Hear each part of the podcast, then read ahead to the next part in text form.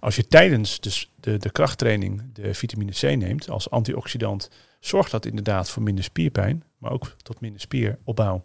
Fijn voor je spierpijn, jij denkt joepie, maar eigenlijk voor het doel dat je wil bereiken niet de beste oplossing. Je hebt ook tegenwoordig steeds vaker dat mensen s'morgens een ijsbad nemen. Ja. En dan wordt er altijd gezegd, ja, is goed voor je testosteron. Zijn daar vanuit de medische wereld bepaalde duidelijke verbanden te zien dat je testosteron echt verbetert doordat je dat ijskoude bad neemt morgens om 7 uur? Goedendag, welkom terug bij een gloednieuwe Sportpoeder podcast waarbij we nou, een uh, nou, relatief korte informatieve podcast met uh, dokter Diederik weer, uh, nou ik zeg kort, maar waarschijnlijk wordt hij uiteindelijk lang, met dokter Diederik Smit. van harte welkom. We zitten vandaag in het Twee Stedelijk Ziekenhuis in Tilburg mooie mijlpaal voor ons om uh, in het uh, ziekenhuis te zitten. En dank uh, dat we hier welkom mochten zijn. Um, nou ja, jullie kennen Diederik natuurlijk van andere podcasts al, of van de Android Health Clinic. Um, en vandaag gaan we het hebben over nou ja, iets wat de laatste tijd best wel veel nou, speelt op sociale media. We zien natuurlijk steeds meer mensen die uh, nou, heel makkelijk beïnvloed worden om uh, nou, zomaar te gaan gebruiken, om het maar zo te zeggen. en dat is eigenlijk iets nou, wat we een beetje willen tegengaan, dat je het wel begeleid doet. Dus al wel bijvoorbeeld bij de Android Health Clinic of met nou ja, een andere gecertificeerde instantie of onder begeleiding van een medische arts. Um, en nou ja, we willen het eigenlijk gaan hebben over de natuurlijke basis van het trainen en nou ja, hoe je je testosteron kan optimaliseren op natuurlijke basis. En nou ja, wel de eventuele bijwerkingen daarvan, die ik zelf ook uh, ondervind. En daar gaan we binnenkort nog meer over opnemen. Dus uh, hou de socials sowieso in de gaten. Um, ja, want dan komen we toch weer terug bij het onderdeel uh, testosteron. Dat is natuurlijk iets waar jij veel mee te maken hebt als... Redelijk. Endriki, sorry, kan jij me uitspreken? Endocrinoloog. Nee, endocrinoloog. Endocrinoloog. Ja, oké. nou, sorry. Leuk woord van galgje, mocht je hem zoeken. Dat, uh, ja, zeg want je wel vaker. Endocrino, wat zei je? Dat zeg je wel vaker. Wat? Ja, klopt. Ja, ik hoor zoveel moeilijke woorden voorbij komen. Dan, uh... je zit elke avond galgje te spelen. Ja, klopt. Bijna wel inderdaad. Als ik bij jou ben geweest, dan heb ik er zoveel nieuwe woorden geleerd. Dat, uh... Nee, maar ja, als endocrinoloog, voor de mensen die het niet weten, dat is een hormoonspecialist. Jij hebt daar hoeveel lang voor gestudeerd? Zes jaar slechts. Zes jaar? Ja, maar en dan ook nog basisarts. Ja, dus zes jaar tot arts. En dan word je in zes jaar internist. En in twee van die laatste zes jaar, nee, ja, uh, specialiseer je tot endocrinoloog. Dus cumulatief 12 jaar? 12 jaar ja. en een promotietraject wat, ik, wat vier jaar duurt. Maar dat heb ik in die zes jaar daarnaast gedaan. En dan okay. gepromoveerd op testosteron en anabole steroïden. De, de, dan, heb, dan, heb, ik mijn diploma eindelijk eens een keer binnen. Ja, de, de bijnaam was de anabole poli volgens mij, toch? Anabole, ja, ja, klopt, ja. ja. Dat is de kliniek die ik in het ziekenhuis heb, ja. Ja, ja precies. Hey, en um, als we dan gaan kijken naar um, uh, nou ja, uh, testosteron op natuurlijke basis optimaliseren. Uh, want nou ja, we zeggen zelf ook altijd vanuit Sportpoeder, mocht je nou zelf uh, nou ja, uh, aan de slag willen gaan met PED's, dus physical enhanced drugs of anabole steroïden of iets in die trant, doe dat dan alsjeblieft onder begeleiding. Um, kan bijvoorbeeld bij Android Health Clinic. Of je doet het uh, nou ja, sowieso met bloedwaardetesten. Alleen dan moet je wel zelf kunnen interpreteren. Dat is ook vaak lastig. Dus uh, nou, ga maar gewoon met dokter Diederik langs. Beste denk ik voor Bij ons kan je ook bloedwaardetesten doen. Ja, precies. Hoef nou ja, niet eens op consult te komen. Al het liefst uh, natuurlijk wel. Ja, want dan weet je wat je, wat je moet testen. Maar dat, uh, juist. Nou ja, ook, betekent. Misschien ook juist goed om even een kleine waarschuwing te doen. Omdat er zijn ook best wel veel mensen die nou ja, proclaimen dat ze expert zijn erin of het zelf interpreteren. Ja. Uh, jullie zien dat zelf ook, want jullie ja. hebben ook een uh, samenwerking met de dopingautoriteit. Uh, en jullie zijn volgens mij de enige instantie die echt gecertificeerd wordt om onderzoek daarvoor te mogen doen. Ja, nou, om, het, ja, om dan toch maar eventjes een uh, rant te doen voor onze expertise. Uh, ik, ik, ik heb natuurlijk zelf de nodige werkervaring. Ik ben gepromoveerd op anabole steroïden. Ik heb uh, behoorlijke medische papieren opgebouwd in de laatste twaalf jaar. Ik heb een anabole poli waar ik al eigenlijk vanaf mijn opleidingstijd in Haarlem al meer dan acht jaar op werk. Ik heb veel ervaring, veel deskundigheid, dat mag duidelijk zijn. Um, en in de Android Health Clinic hebben we een, een niet alleen die expertise tentoongesteld of ter beschikking gesteld aan iedereen die zonder verwijzing naar een afspraak wil maken. Voor een in zorgbegrippen hele redelijke prijs. Het is, je moet het zelf Zeker. betalen. Dat is dan jammer. Maar een, een, consult en een bloedonderzoek bij mij in het ziekenhuis kost 850 euro. En in de Android Health Clinic 200 euro. Dus daar zit wel een, toch wel een prijsverschil. Maar dat doen we expres omdat we het laagdrempelig willen maken. Um, we werken, ik werk daar samen met Peter Bond. Ik denk dat, uh, dat hij ook niet heel veel toelichting uh, behoeft. Echt een, uh, een klinisch onderzoeker van het allerhoogste niveau. Met ongelooflijk veel kennis over de literatuur. Boeken geschreven over anabole steroïden, testosteron en supplementen. Dus we hebben gewoon heel veel kennis daar. We hebben inderdaad de, de steun van de dopingautoriteit. we hebben de steun van de internistenvereniging van Nederland en de Nederlandse endocrinologievereniging. Dus ook die beroepsgroep waar ik bij hoor, die juicht dit toe. Die vindt dit een hartstikke goed initiatief. We staan onder, onder de inspectie van de IGJ. Uh, die hebben ook met dit rapport van die beroepsvereniging gezegd: oké, dit is een type zorg dat we in Nederland kunnen gaan leveren. Dus ik denk, we hebben gewoon de kennis, de bevoegdheid en denk ik ook het mandaat om, om op, dit, op deze manier hier zorg te gaan leveren. Um, en ik vind dat je echt moet oppassen voor partijen waarbij die deskundigheid aan een zijde draadje hangt, waarbij die deskundigheid voor een heel groot deel uh, zelf toegeëigend is. Als in, nou, ik heb heel veel gelezen ja, en ik, heb, ik heb me al jaren verdiept, dus ik heb er ook verstand van. Ja, we hebben bijna wekelijks klanten die met die disclaimer bij ons aan tafel komen. Die kunnen toch best wel veel leren in een uur. En dan blijkt dat ze misschien toch iets minder wisten dan ze dachten.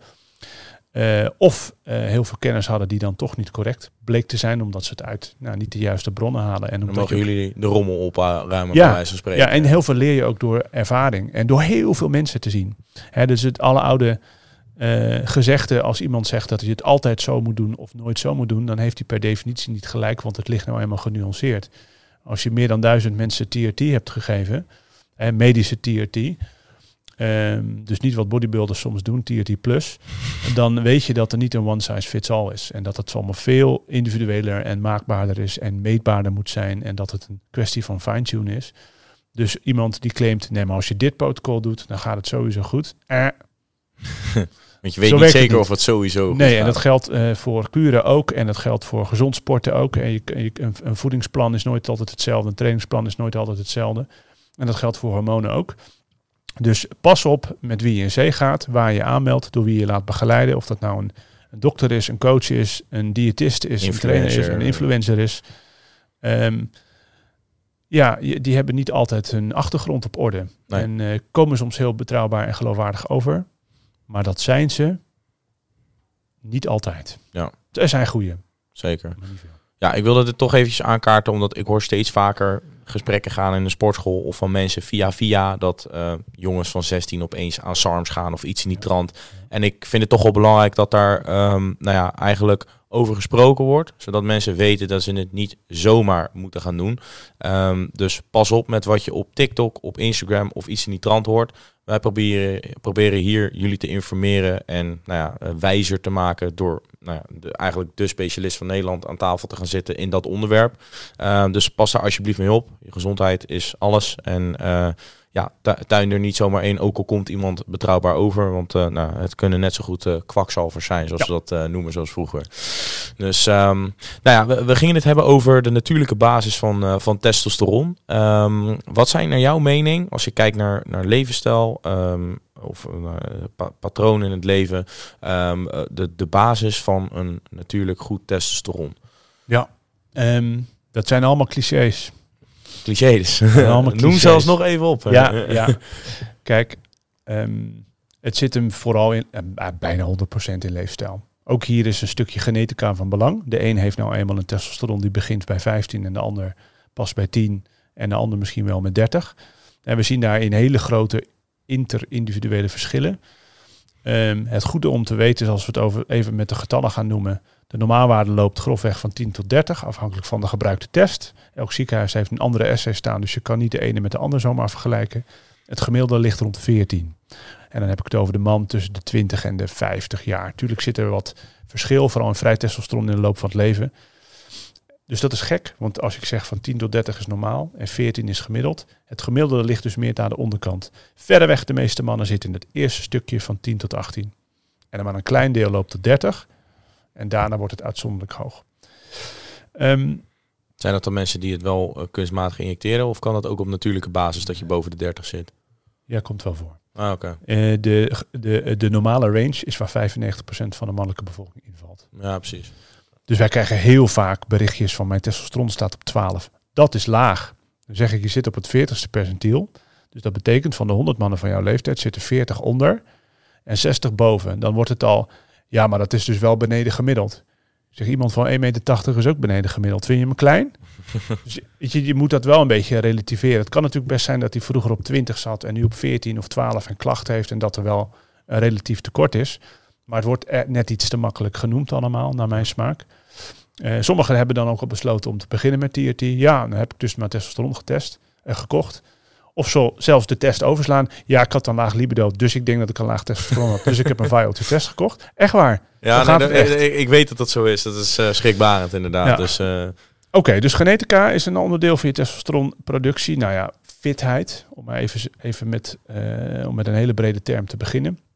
Cardiovasculaire training is goed en krachttraining is goed. En krachttraining lijkt net iets sterker te zijn voor de testosteronproductie dan, dan cardiovasculaire training dat is.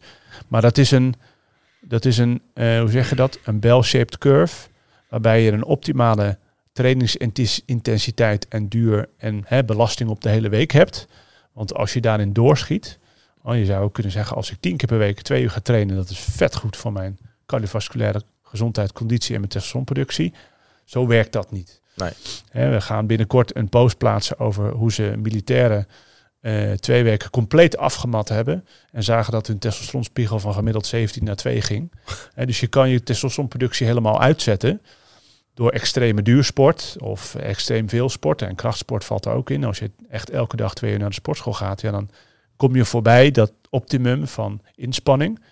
En dat heeft ermee te maken dat jouw lichaam registreert een soort van stresssituatie die extreem is.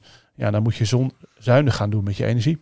Ja. Dan heb je geen tijd om je voor te planten of uh, energie voor andere dingen. Dus dan schakel je hormoonproductie terug, je schildklier, groeihormoon, testosteron gaat allemaal naar beneden. Ik heb dat voor mij ook wel eens gehad in het verleden, dat ik dan zeven keer per week of soms zelfs acht keer per week uh, naar de sportschool ging. Zware krachttraining ja. deed twee uur per dag en dat ik gewoon merkte dat mijn libido... Dat is contraproductief. Uh, Nou ja, omlaag ging of minder was dan dat het eerst was. Maar ja, het is natuurlijk een aanname wat ik doe. Alleen, ja, het zou wel een verklaarbare reden zijn. Ja, dus rust is essentieel. Misschien wel net zo goed, uh, net zo essentieel als de inspanning zelf. Nou ja, dat is punt twee. Uh, leefstijl, ah, qua voeding dan vooral. Ik denk dat gezonde voeding bijdraagt aan uh, een betere hormonale gezondheid. En dan denk ik dat dat zich met name betreft tot het lichaamsgewicht en vetmassa. Het is goed om droog te zijn. Maar ook hier zit een bell-shaped curve waarbij je een optimum hebt dat ligt op een lichaamsvetpercentage. Ik ga geen specifiek getal noemen, want dat bestaat niet, een one size fits all. Bij 15% heb je... Nee, ergens waarschijnlijk rond de 15%. Misschien iets lager, misschien iets hoger. Bij mannen dan natuurlijk? Ja. Bij vrouwen is het hoger? Testosteronproductie bij vrouwen is echt anders. Ja, precies. Ja. Um, en uh, dus je kan daar ook in do doorslaan. Ik, ik ben ervan overtuigd dat iemand aan het einde van zijn prep, die geen testosteron gebruikt, en dat zien we ook best wel vaak, heel laag in zijn testosteron zit. Door het calorisch tekort, dus je voedingstekort, als je ver onder je onderhoud zit, doordat je zo droog wordt, dan, dan, en dat zie je natuurlijk bij meisjes die duur sporten, turnsters, hardlopen, marathonlopers, die meiden stoppen op een gegeven moment ook met menstrueren. En bij vrouwen is dat tenminste heel zichtbaar, letterlijk en figuurlijk aan de buitenkant. En bij mannen gebeurt dat onder de motorkap ook. Alleen dan is het een testosteronproductie die inzakt. Dus ehm, eh, voeding, uh, gewicht, uh, genetica, cardiovasculaire inspanning of überhaupt sporten, krachttraining. En dan als laatst zou ik willen noemen slaap. Slaap. Hebben we het vorige podcast ook over gehad. Of een van de vorige podcasts. Dat uh, slaaptekort is uh, slecht om heel veel redenen. Het geeft meer cortisolproductie. Cortisolproductie geeft insulineresistentie. Insulineresistentie geeft vetopslag. Vetopslag geeft testosterontekort. Dankjewel. Ja. Dat is één route. Maar het geeft ook, uh, ja, je bent heel erg moe. Je gaat ook in die spaarstand. Dus je gaat ook bezuinigen op hormoonproductie. Um, dus dat draagt ook niet bij aan een goede hormonale gezondheid. Dus consistente slaap. En goede slaap zit in een aantal factoren. Kwantiteit natuurlijk. Je moet voldoende uren maken. Kwaliteit. De kwaliteit, ervaren kwaliteit moet goed zijn zonder onderbrekingen, niet wakker worden. Uh, en regelmaat. Dus je moet het liefst gewoon elke dag op hetzelfde moment naar bed. En uh, op hetzelfde moment je bed uit. En het mooiste is zelfs als je dat wat naar voren plaatst. He, als we slaapkwaliteit analyseren, slaapt iemand tussen 9 en 3 beter dan tussen 12 en 6. Ja. Midnight is midnight. Ja, klopt. Gewoon echt van donker tot donker eigenlijk. Ja. Nou is dat nu wel heel erg lang. Als we vroeger deden. Ja. Dat, uh, ja. dat zijn denk ik de belangen. Dus die pijlers. Oh, zes. Stress. Stress. Stress, cortisol, in, eh, dat, dat rieltje wat ik net noemde. Stressmanagement is natuurlijk de moeilijkste van allemaal. Want slaap kan je coördineren. Voeding kan je gedisciplineerd aanleren. Training moet je zelf doen. Genetica heb je niet in de hand. Ehm, maar ja, stress, dat overkomt je vaak. Maar ik denk dat je levenskeuzes kan maken. Die je minder stress hebt. Ja. Misschien niet fulltime werken, misschien parttime werken. Misschien niet elke avond per se naar de sportschool gaan. Neem daar je herstel en je rust, dat is goed voor je testosteronproductie. En misschien kan je dan ook je stress beter managen. En iedereen moet zijn beste manier vinden om met stress om te gaan. Het maakt mij niet uit of je dat met meditatie doet. Of dat je elke, uh, elke avond een half uur gaat zingen onder de douche. Misschien niet goed voor de waterrekening en de stroomrekening. Um, en of dat je aan uh, de, weet je, dat je een serie gaat kijken, maar dan wel over leuke dingen en niet enge thrillers en horrors gaat kijken. Of ja, spannende series. Waardoor je, je er blij van wordt. Uh. Nee, het gaat erom dat je je stress managt. En dat is natuurlijk heel individueel. Sauna's, die zijn er best daar goed wel, eh, wel goed voor te zijn. Ook cardiovasculair heeft dat voordelen. Dus ik denk dat uh, stressmanagement het moeilijkste is. Maar in zekere mate wel beïnvloedbaar door gewoon keuzes te maken die waarschijnlijk de rest van je leven voordelen op gaan leveren. Ja. En als dat op orde is, dan heb je je beste testosteronproductie ja, want, eh, nog een vraagje over een, eh, een trend die de afgelopen nou, jaren best wel opkomend is. Um, we hebben natuurlijk Wim Hof gezien uh, met zijn ijsbad. of nou, niet alleen ijsbad, gewoon ijs zonder shirt een berg beklimmen. maar um, en, je hebt ook tegenwoordig steeds vaker dat mensen s'morgens een ijsbad nemen. Ja. En dan wordt er altijd gezegd, ja, is goed voor je testosteron. Zijn daar bepaal, vanuit de medische wereld bepaalde duidelijke verbanden te zien dat je testosteron echt verbetert doordat je dat ijskoude bad neemt, s morgens om 7 uur, bij wijze van spreken, of om 8 uur, weet ik veel? Um, weet ik niet. Uh, Peter Bond weet altijd wel, altijd alles wat gepubliceerd en geschreven is. Als er studies zijn, zijn ze denk ik klein. Uh, ik sluit niet uit dat ze er zijn, maar ik ken ze niet. Um, ik wil niet zeggen dat ik er niet in geloof. Ik denk ik zie zelf die aanpak als een equivalent van cardiovasculaire training. Omdat je dan. Omdat de processen die zoiets in je lichaam teweeg brengen, die staan heel erg uh, in dezelfde lijn als inspanning doet. Hè? Verhoging van je hartslag, een verandering van je vaatdynamiek, uh, het vrijkomen van bepaalde hormonen, endorfines, et cetera. En dat zien we hetzelfde bij sauna. Ja. Uh, dat is natuurlijk in Scandinavië veel. Heb je het, het omgekeerde, wanneer je sauna, moet je wel afwisselen met de dompelbad, ja, ik vertik het. mijn vrouw wordt elke keer bozer dat ik het nooit doe. krijgen als dat ja, doe. ik vind het echt het kuiteetste van de hele sauna. En dan zeker iemand die de hele tijd naast me tettert dat ik het moet doen omdat het goed is voor me. Dan had ik het ik ben dokter, ik wil ik het weten. Ja, ik had, de laatste keer dat ik in de sauna was, had ik toevallig daarvoor een podcast geluisterd over sauna en gezondheid. En daar, uh, ja, daar werden toch een aantal mooie studies gepresenteerd en besproken. Die laten zien dat dat toch voor stressmanagement en cardiovasculaire gezondheid op die manier voordelen biedt. Welke podcast luister jij zeg maar voor gezondheid? En ik denk als een arts zelfs naar podcast luistert voor gezondheid, dan weten we zeker dat we die ook even moeten. Ja, ik luister naar de, de podcast van de New England Journal of Medicine. Vergeten, voor mijn beroep heel relevant. Maar dat gaat ook om niet-testosteron en dit soort zaken. En uh, de podcast van Peter Attia vind ik mega interessant. Peter Attia? Peter Attia. Tia, Attia, A-T-T-I-A. Oh, dat is wat mij betreft echt een, een fenomeen die uh, uitblinkt in het maken van goede podcasts. De link legt tussen een stukje educatie, maar ook de wetenschap houdt en een eigen klinische ervaring heeft. Dus niet een professor die onderzoek doet en nooit een patiënt gezien heeft of andersom. Dus de mix is goed en het gaat heel veel over leefstijl en heel veel over uh, hormonen en over nieuwe medicatie. Oh, Engelstalig natuurlijk waarschijnlijk. Ja, nou, ja en zijn podcast nou, zolang het niet in het Latijns is, want dat kan jij waarschijnlijk ook, dan uh, gaat het nog goed. lezen, maar kan niet praten. ah, Oké. Dus stel, dat zijn de pijlers. Oké, en uh, nou ja, die ijsbaden die zijn heel uh, hot en trending de laatste tijd. Um, als we dan kijken naar um, want je, iets wat je natuurlijk testosteron eigenlijk best wel onderdrukt. we hebben dat natuurlijk ook al eens een keertje eerder besproken, maar ik ga het toch weer aankaarten, overgewicht. Oh. De, dat is voor mij de killer nummer één voor nou ja, je natuurlijk testosteron. ja, dus de, die vetpercentage, dat optimum, hè, ergens in de buurt van de 50%. 15 voor mannen dan en voor vrouwen ja, het kan ook 20 of 10 zijn, bind me er niet op vast voor iedereen anders. Dus gemiddeld 15. nee, geitje. Precies. En, maar die, die curve die loopt echt waardeloos af naarmate je zwaarder wordt. En dat zit hem uh, in insulineresistentie door overgewicht, maar ook gewoon door de oestrogenen. Vetcellen zetten testosteron in oestrogeen.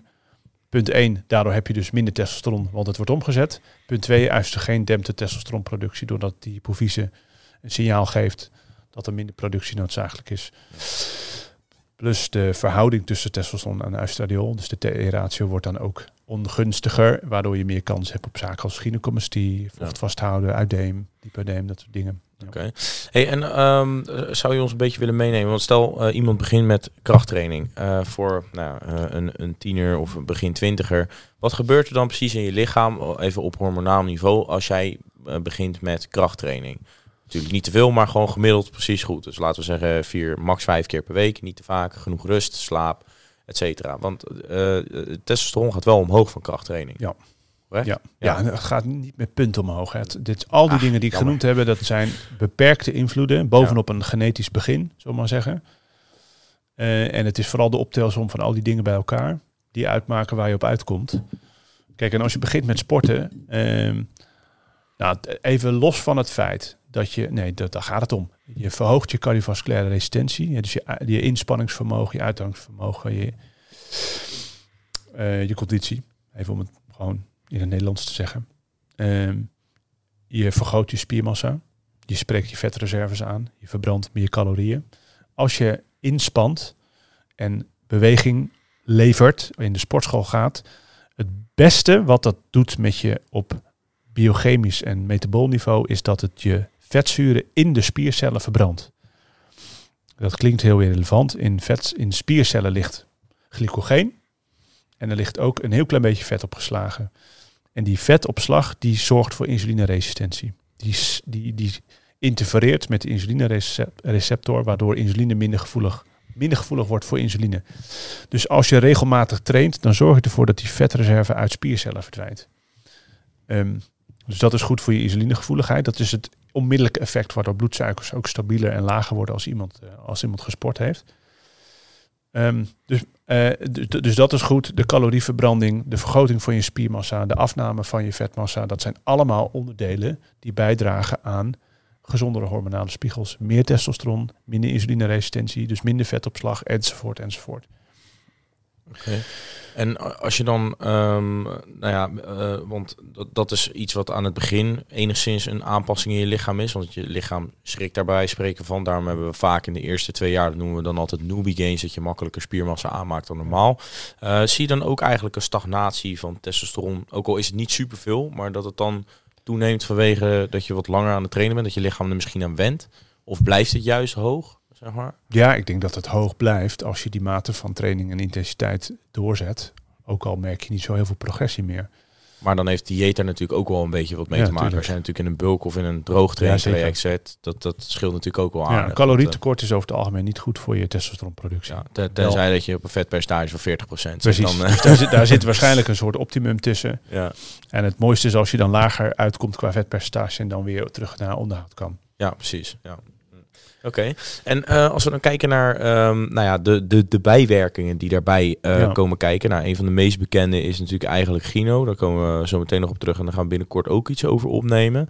Ehm, wa- wat zijn de algemeen bekende bijwerkingen? Dus voor, voor mensen die naturel trainen, of in ieder geval, het hoeft niet altijd naturel te zijn, want je kan het ook krijgen als je niet, niet naturel dingen krijgen als je wel naturel Je bent. kan het zeer goed krijgen als je niet naturel... Ja, nou, dat is gebleken.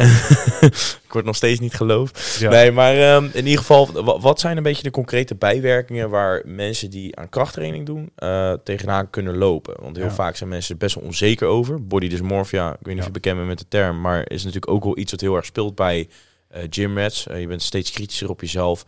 En nou ja, als je dan iets erbij krijgt waar je misschien onzeker over bent, nou, ik zou niet zeggen dat je dat de das om doet, maar het kan wel demotiverend werken of dat je er heel onzeker over Ja. bent. Wat zijn nou concrete dingen waar je eigenlijk niet echt zoveel aan kan doen die kunnen plaatsvinden? Ja, ik vind het eigenlijk best wel een moeilijke vraag, want die, er zijn niet zoveel nadelen. De, de voordelen zijn immens. Je wordt groter, dus als je body dysmorphia hebt, is dat natuurlijk een eh, lastig, eh, een lastig verschijnsel dat je dan groter wordt en daar misschien niet per se meer tevreden over zal zijn. Maar ik denk dat voor de meeste mensen die maar een heel klein vleugje zelfbeeld eh, wanen hebben en misschien niet altijd tevreden zijn met zichzelf terwijl ze dat wel zouden mogen zijn, denk ik dat voor de meeste de toename in spiermassa zeker wel een soort van verzadigingsniveau bereikt, psychologisch gezien. Al is groter altijd beter. Dat is niet voor iedereen, maar voor veel mannen wel. Ik denk dat, dat het psychologisch een positief effect gaat hebben voor een groot deel ook op het celbeeld. Maar ook omdat fit zijn leidt tot een betere psychologische gezondheid. Je hebt meer energie, je kan meer uit je dag halen, meer bevredigende dingen doen, et cetera. Voor je cardiovasculaire gezondheid is het evident wat het positieve effect is. Ehm, het is misschien voor je sociale interacties prettig. Je hebt meer ehm, face-to-face contact met echte mensen en niet via een scherm. Uh, dus dat is, dat is ook aardig. Ik vind dat krachttraining zich daar uitstekend voor leent om best wel te bonden sociaal. Uh, dat gaat met uh, zwemmen bijvoorbeeld niet zo goed. Nee. Minder makkelijk. Onder water. Ah, ik heb blub, blub. Ik, ik heb tien jaar gedaan. Ik heb hele leuke vrienden aan overgehouden. Dus ik, dat spreek ik dan weer toch weer een beetje tegen. De nadelen, ja, ik denk dat in hormonaal opzicht, als je te veel overdrijft en overtraint en te weinig rust neemt, dat je dus hormonaal kan crashen, om het maar even zo lelijk te noemen. Je testosteronproductie daalt en je, je borstklierweefsel hangt aan een evenwicht van testosteron en oestrogeen, waarbij het goed is als de testosteron in overvloed aanwezig is ten opzichte van het oestrogeen. Wanneer krijg je gynecomastie? Als testosteron daalt of als oestrogeen stijgt. Overgewicht, hebben we het over gehad, die verhouding. Cannabis, hebben we het vorige keer over gehad. oh, ja. Um, dat, dat is voor die balans uh, minder gunstig. Uh, de heb je daar een uh, bron voor? ja, ik heb zei iemand de vorige keer van ja, laat zo'n bron zien, man. Toen zei ik ja, hij is arts, sorry. ja, nee, ik heb gra ik, grappig genoeg, ik kreeg zelfs vanuit de Trimbos een vraag daarover. Van goh, kan je eens uitleggen hoe dat verband in elkaar zit? En toen heb ik drie papers doorgestuurd waarin onderzoek is gedaan naar de manier waarop cannabis uh, inhaakt op de oestrogeenreceptor. Uh, maar het is zeker niet heel goed klinisch onderzocht.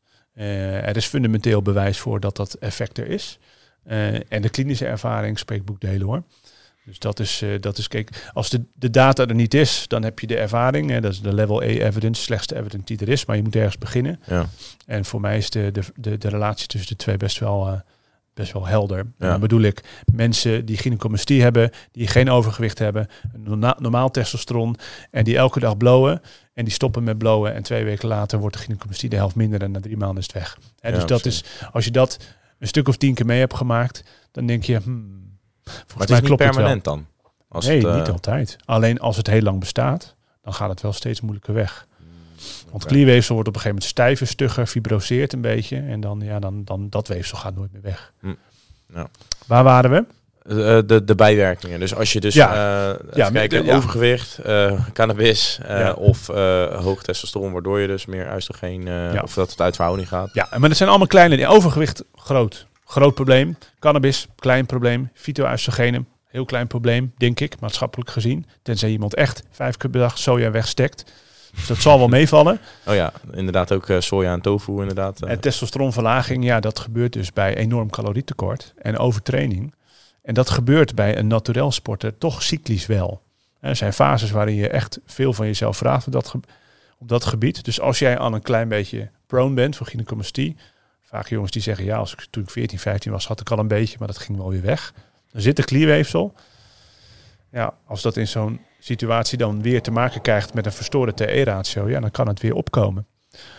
En ja, dat uh, is een vervelende bijwerking, maar ik denk ook weer niet dat dat nou echt een, een, een 10, 15 procent van de naturel sporters uh, betreft. Het zal echt om een kleiner deel gaan, denk ik. Ja. Ik weet niet of daar data van We hebben een paar kijkersvragen erover gekregen, of in ieder geval uh, mensen ja. die daarover vroegen in de podcast. En ik ben natuurlijk zelf ook slachtoffer daarvan in dat opzicht. Dus ja, dat, uh, Oké. Okay. En dus, de gynecomastie, daar moet ik wel een klein beetje uh, eerlijk over zijn. Uh, soms vinden mensen dat ze gynecomastie hebben, maar als je dan echt kijkt hoeveel klierweefsel zit daar nou. Soms als mensen heel droog zijn, dan zie je 2 centimeter klierweefsel al. Dan kan je afvragen, is er nou echt gynecomastie? Want elke man heeft een beetje klierweefsel. Het, ligt, het is alleen heel klein. Ja. Dus als je heel droog bent, dan zie je het en dan valt het meer op en dan ga je het zo noemen. En er zijn ook best wel veel mannen die bij ons komen. Ja, ik heb gynecomastie en het is zo lelijk. En dan ga ik kijken en ik zeg, ik zie geen klierweefsel, ik zie alleen maar vet. dan moet je gewoon droger gaan. Ja, ja. ja of uh, de plaats van de tepel kan het denk ik ook een beetje een verkeerde uh, perceptie ja. geven misschien. Ja, soms zit het te vlak onder, soms zit het echt veel dieper. Uh, als tepels heel gevoelig worden, dat het zo schuurt als je shirt eroverheen gaat, dat is echt wel een clue. Dan, dan is er oestrogene activiteit. Ja. Dat is een beetje als een vrouw ongesteld of zwanger wordt. Uh, ja, precies. Je dan hebt, ja. uh. um, en dan even uh, de bijwerkingen, gynecomastie hebben we gehad. Ik denk dat je daarnaast, misschien heb jij andere voorbeelden, maar ik kan maar verder alleen nog maar de peesblessures en de spierpijn en dat soort eh, lichamelijke kwesties eh, voorstellen als blessures. Uh, dus misschien ook wel, wa- waar zou jij, wat zou jij daarin, eh, ja, natuurlijk pace kwesties, eh, let op je uitvoering, eh, dat is denk ik ook Ja. vooral belangrijk en overtrain niet te zwaar en eh Precies. train met realistisch gewicht.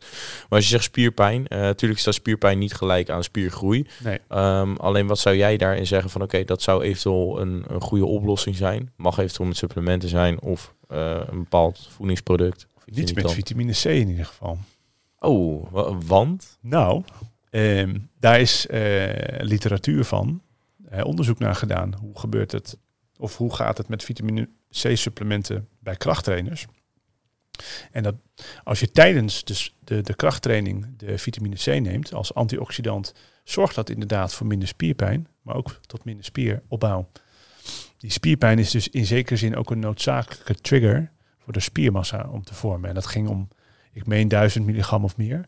Dus wanneer je echt een flinke vitamine C-dosis rond de training neemt, fijn voor je spierpijn. Jij denkt joepie, maar eigenlijk voor het doel dat je wil bereiken niet de beste oplossing. Andere Ah, momenten van de dag kan het, kan het wel.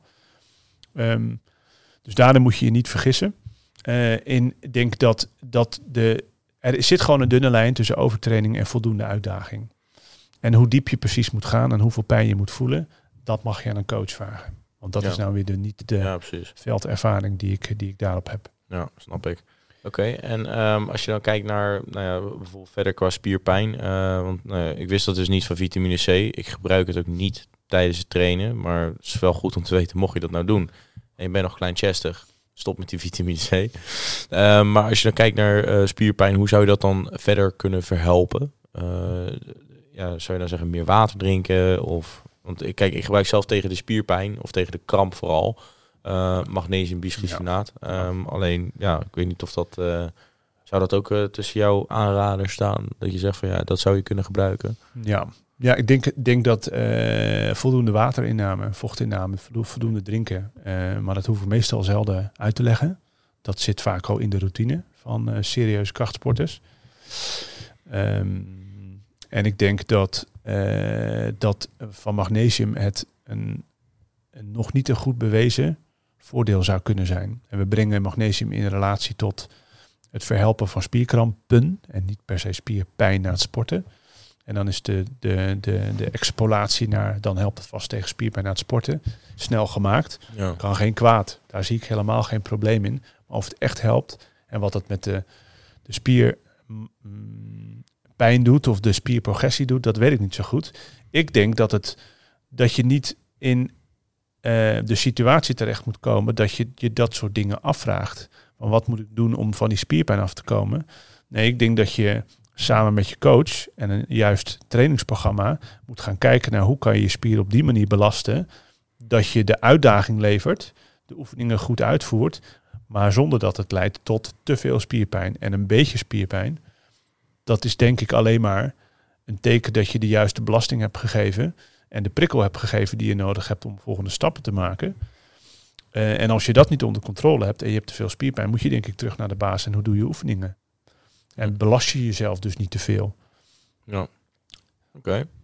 Ja, duidelijk. De, ehm, ja, zijn er nog andere bijwerkingen van het trainen wat ehm, nou ja, testosteron optimaliseert of invloed heeft op testosteron? Ik denk dat we alles... eh, Nou, volgens mij zijn we redelijk eh, volledig. Misschien dat er nog eh, dingetjes zijn die we over het hoofd zien, maar nou, ik denk het niet. Ja, de- de dingen als acne of agressieve haargroei op je rug. Maar Nou, dat, ja. we hebben het hier al vaker over gehad, over acne. Dat het niet heel duidelijk in verband staat Ja. met elkaar. En dat het hoeft niet altijd te betekenen dat als je een hoog testosteron hebt, dat je last krijgt van acne. Of dat je als je iemand met acne ziet, dat je gelijk denkt, oh, die gebruikt. Ja. nee, ik kan, ook niet me, altijd even zo. ik kan me wel voorstellen dat eh, als de testosteronproductie enorm stijgt doordat je een jaar hebt eh, gehad met eh, enorme leefstijlverbeteringen, gewichtsverlies, je bent gaan kracht trainen, je hebt je voeding op orde, dat je testosteron, ik noem maar wat, 30, 40 procent stijgt. Ik kan me heel goed voorstellen dat dat iets doet met, een, met de acne. Ja. Eh, maar niet acne-uitbraken die behandeling behoeven. Ik denk dat dat allemaal binnen de natuurlijke grenzen van wat kan een beetje acne zijn. Eh, we, we noemen nou eenmaal één puist al acne. Maar acne is natuurlijk een, een huidziekte waarbij je begint vanaf een bepaalde ernst. En anders zegt een dermatoloog, "Wel, wat kom je doen? ja.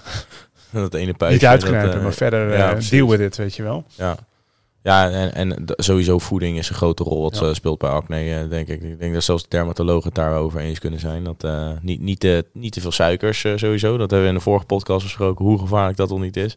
Levensgevaarlijk. Eh, levensgevaarlijk. En eh, niet te veel, eh, te veel vet in dat opzicht. Dus ehm, oké. Nou ja, ehm Diederik, ontzettend bedankt weer voor jouw wijsheid en voor je kennis. Eh, gedaan. nou, zoals ik ook al aan het begin van de podcast aangaf, eh, mocht je nou je bloedwaardes willen laten testen, kan dat bij de Android Health Clinic. Ehm, daarbij wil ik ook nog iedereen gewoon even op zijn hart drukken. Ehm, blijf gewoon lekker naturel trainen. En mocht je het overwegen om eh, wel te gaan gebruiken, doe dan alsjeblieft je bloedwaardetest. Ga bij Diederik langs. Daarbij weet ik zeker dat je bij een goed adres zit. Want ik heb ook mijn twijfels gehad in het verleden over bepaalde mensen. Niet dat ik het ooit heb overwogen. Alleen ik weet dat er genoeg van dat soort mensen op de markt zijn. En social media kan heel toxisch werken in dat opzicht. Dus mocht jij nou een groeimaat hebben in de gym die erover twijfelt... of hoor je jongens erover praten... stuur ze alsjeblieft door of naar Diederik of laat ze deze podcast luisteren. Het is gewoon gratis te beluisteren voor iedereen. Ehm, en zorg dat die jongens wat wijzer worden. Want je speelt wel met je gezondheid in dat Ja. opzicht. Ja. En eh, gezondheid is nummer één. Ja. Dus ehm, nou, ehm, ja, Diederik, ontzettend bedankt. Ehm, laat even een blauw duimpje achter. Klik op die prachtige abonneerknop. Volg nog eventjes de Android Health Clinic Ja. op eh, Instagram. En eh, ja, tot de volgende keer weer. Ja. Ciao!